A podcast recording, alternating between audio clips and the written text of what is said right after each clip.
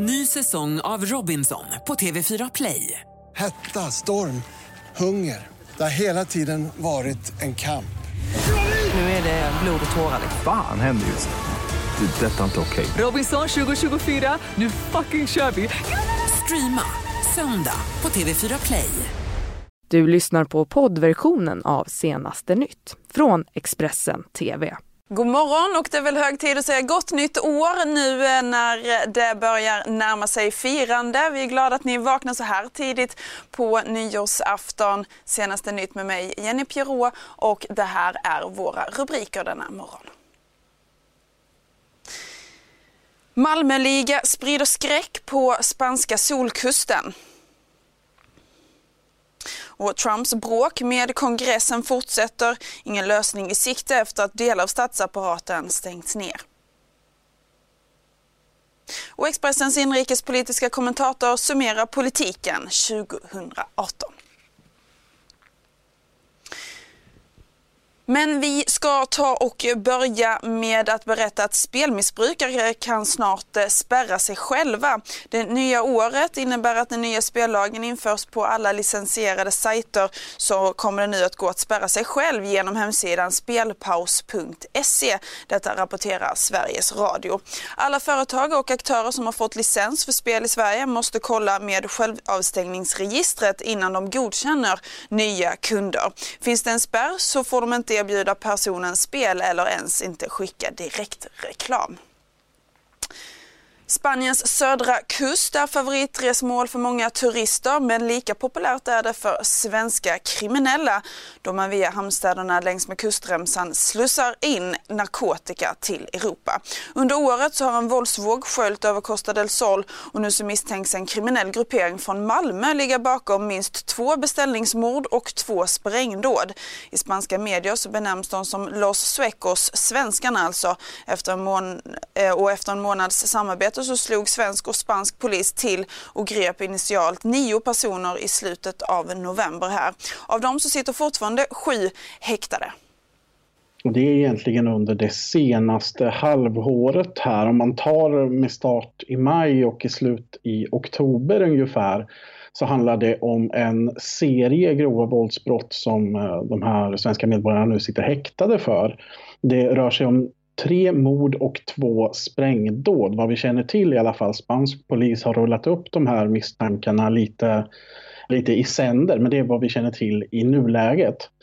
Och det vi kan se här det är att eh, spansk polis kopplar det här starkt till droghandeln. I, I samtliga fall så är det både misstänkta gärningsmän och offer som som har varit verksamma i, i den handeln. Och precis som vi har sett i Sverige en, en, en hög nivå av skjutvapenvåld så har man gjort det längs kusten i södra Spanien. Om vi tittar på de här två morden som, eh, eller de här tre morden som det handlar om så är det ena mordet en, en uppgörelse mellan olika svenskar enligt spansk polis. Och vi har både ett svenskt offer och en, eh, en rad eh, svenska gärningsmän. Sammanlagt åtta personer sitter häktade där. Medan vi i de andra två fallen har vad polisen beskriver som misstänkta beställningsmord där en liga från Malmö ska eh, utpekas för att ha mördat två olika personer inom droghandeln på uppdrag av annan. Ja, och där hörde ni Kim Malmgren, så, äh, Kim Malmgren ska jag säga, som är krimreporter här på Expressen. Vi ska också berätta om skjutningarna, alltså både de dödliga och de som klassas som försök till mord som har ökat kraftigt i Sverige de senaste tio åren. Gängen idag eh, kopierar på många sätt mc-gängens metoder från slutet av 90-talet. I Sveriges Radios program P1 i lagens namn så tas fallet med Johan upp. Han mördades i en gängkonflikt. Sån där likpåse de hade ju gjort det fint. Det hade de gjort. Men det var en väldigt, väldigt konstig känsla. Att stå och känna på den här påsen. Det har mördats över 40 personer i Sverige i år.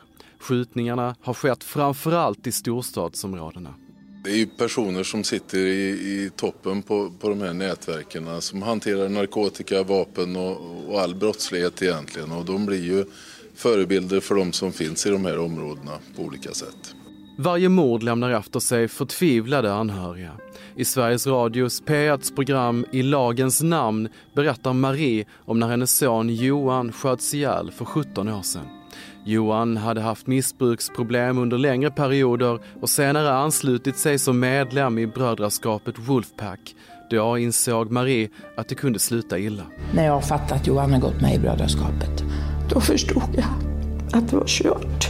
Johan mördades och statistiken över dödligt våld har med ett par undantag stadigt stigit uppåt. Sedan 2011 har antalet fall av dödligt våld med skjutvapen mer än fördubblats från 17 till 40 fall. I år har fler än 40 personer mördats och personer så unga som 16 år är inblandade.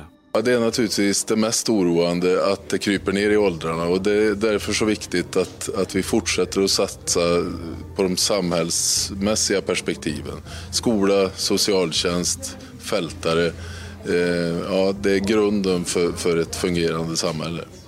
Och vad gör ni för att stävja den här utvecklingen?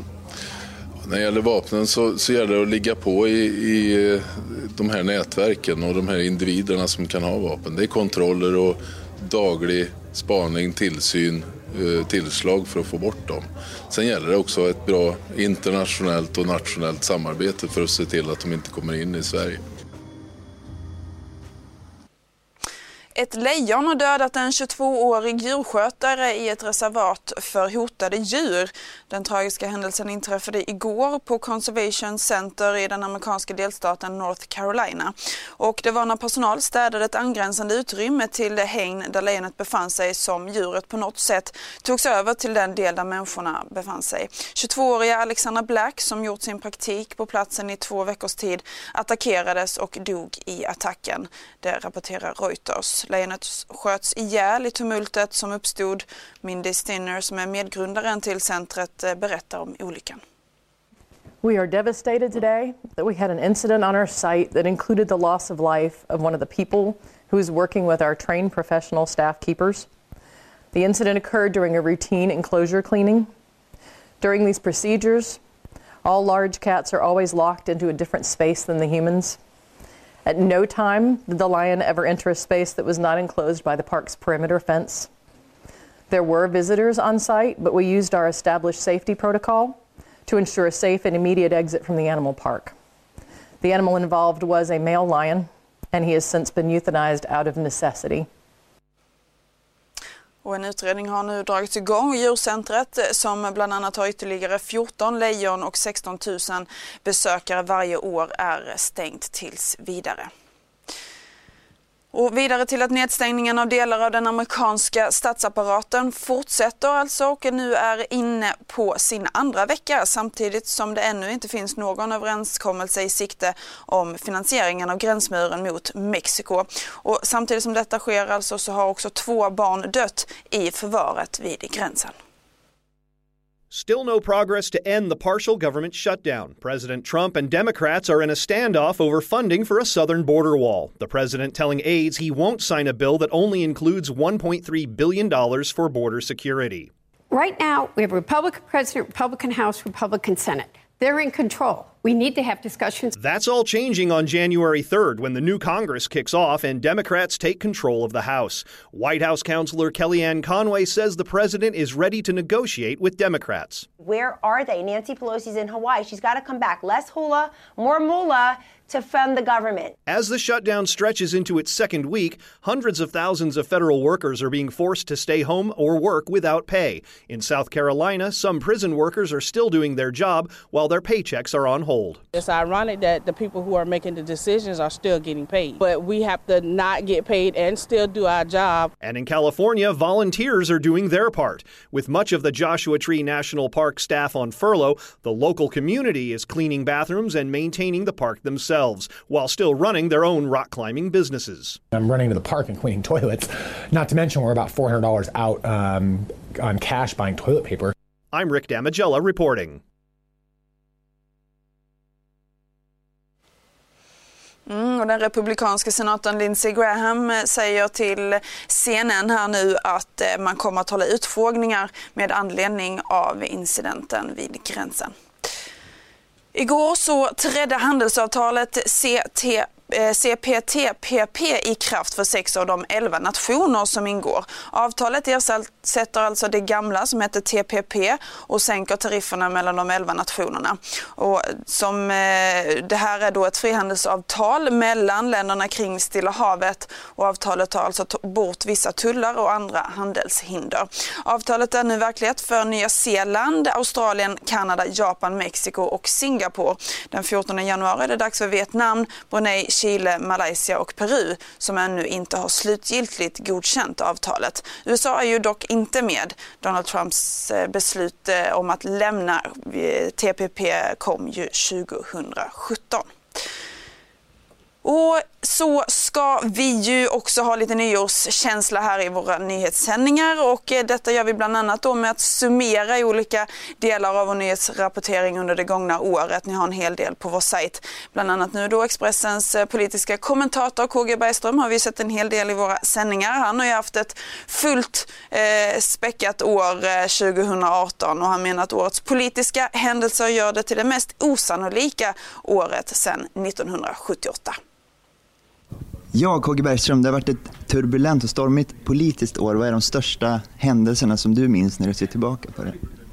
Ja, det är självklart valet, men framför allt dess efterspel och eh, den förlamning som har uppstått i regeringsbildningsprocessen. Hur unikt är det här året eh, sett tillbaka om man tittar tillbaka? Ja, jag tycker att det är mest eh, osannolika politiska året sedan 1978 då Sverige fick eh, dels en regeringskris eh, den gamla regeringen, den borgerliga regeringen sprack och ny regering bildades av en enda person, Ola Ullsten, ett enda parti, eh, Folkpartiet som var, det var den svagaste regeringen vi haft hittills. Ja, man kan se några specifika händelser under året. Eh, vad skulle du plocka fram då?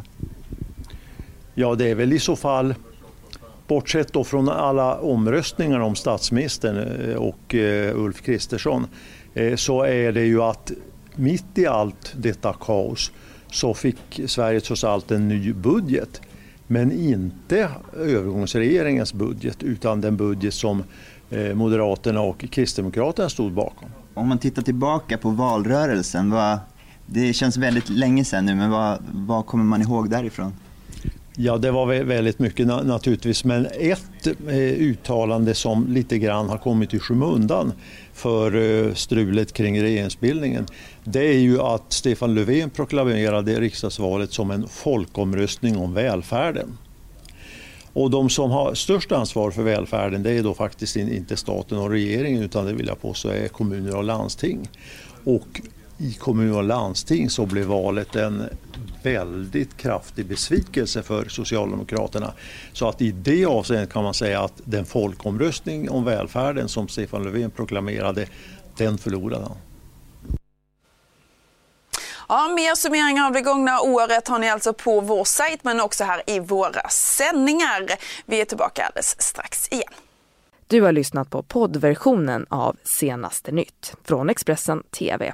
Ansvarig utgivare är Thomas Mattsson. Ny säsong av Robinson på TV4 Play. Hetta, storm, hunger. Det har hela tiden varit en kamp. Nu är det blod och tårar. Fan händer just det. Det är detta inte okej. Okay. Robinson 2024, nu fucking kör vi!